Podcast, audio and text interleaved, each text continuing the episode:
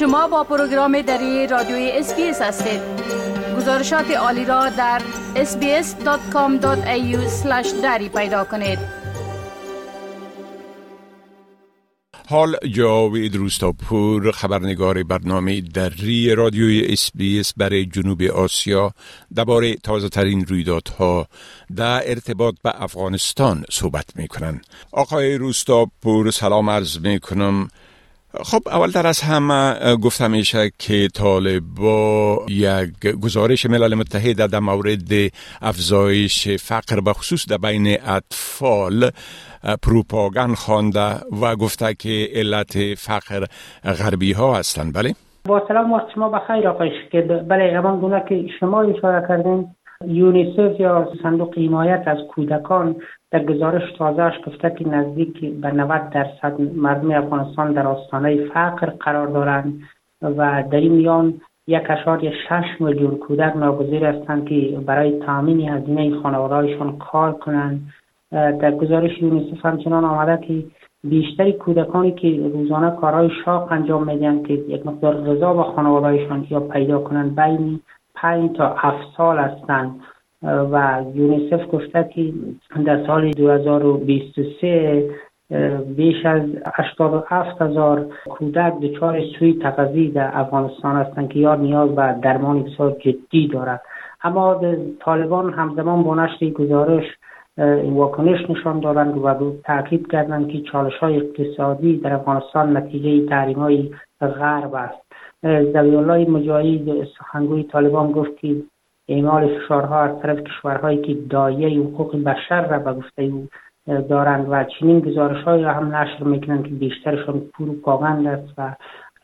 بخشی از این گزارش ها با واقعیت همخوانی ندارد. به گونه مستقیم به گفته از فقر اثراتش ناشی از اعمال فشارهای غرب به افغانستان است که از یک سو حکومت طالبان که همه و گفته آقای مجاهد شرایط را برای برسمیت شناختن پورا کرده اینا گفته این برسمیت نمی‌شناسن و از طرف دیگه دارایی افغانستان را مسدود کردن که این موضوع سبب شده که مردم افغانستان با فقر دست پنجه نرم کنند. بله. خب گفتم میشه که ژاله محصولات زراعتی و باغداری را در کاپیسا متضرر ساخته. بله؟ مقام های محلی طالبان دولت کاپیسا تایید کردند که بارش شدیدی باران ژاله خسارات بسیار انگفتی مالی و قانونی ولایت وارد کرده. خلیل روحانی آمیر امنیت حیوانات زراعتی و آبیاری و مالداری که طالبان در ولایت کاپیسا در یک نشست خبری گفت که بارش 50 تا 70 درصد محصولات زراعتی را در مرکز و ولسوالی های کوبند نجراب سه اول لیسته دوم و به همین ترتیب برخی از مرکز ولایت کاپیسا شهر محمود راقی نابود کرده. بر بنیاد گزارش ها حدود پنج هزار اصل حال صدها جریب زمین زراعتی در دیگر ولسوالی های این ولایت هم از بین رفته و همین ترتیب هزاران راس مواشی تلف شدن همچنان قانون این ولایت از سازمان های مددرسان خواهان همکاری شدند و گفتند که مردم را دستگیری کنند. این در حال است که بارندگی های موسمی سال گذشته هم دولت کاپیسا خسارات بسیار هنگفتی به قانون ولایت وارد کرده بود و افزون در کاپیسا در بارش ژاله در روزهای گذشته که صورت گرفت در دیگر ولایات مثل ولایت همجوار کاپیسا مثل پروان بخشای از پنشیر حتی در ولایت ولایت لغمان هم گزارش شده که ضرری به دیاقین وارد کرده است. بله خب گزارش ها میگن که محافظین والی سمنگان به اتهام قاچاق مواد مخدر دستگیر شدن. بله. هرچند منابع طالبان به صورت رسمی این خبر تایید نکردن ولی منابع در ولایت سمنگان گفتن که نه نفر از محافظین ملافظلی والی طالبان برای ولایت سمنگان به اتهام قاچاق مواد مخدر یعنی تریاک بازداشت شدند. و گفته این منابع برخی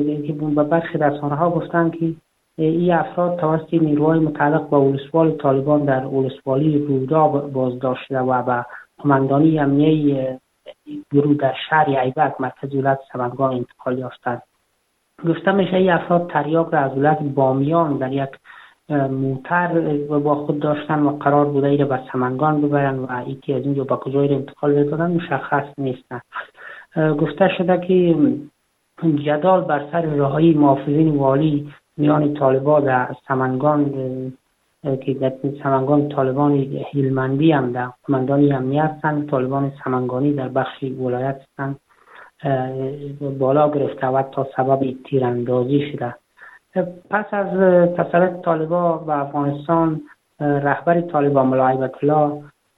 دستور داد که در یک فرمان که کشت مواد مخدر و قاچاق مواد مخدر به صورت کلی من است. اما بر بنیاد گزارش ها پس از صدور این فرمان تا کنون این فرمان به گونه رسمی دقیق عملی نشده و مسئولان طالبان در ولایت ها هیچ گونه اقدامی عملی نکردند و حتی بیشتر کار کماندانا و مسئولان محلی طالبان در ولایت قاچاق مواد مخدر است و حتی همکاری با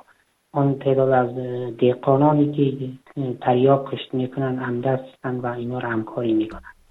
بله خب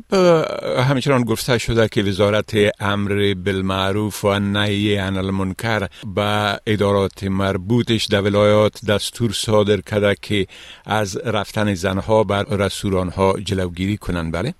این تازه ترین دستوری وزارت امر بالمعروف و نهی عن المنکر طالبان است که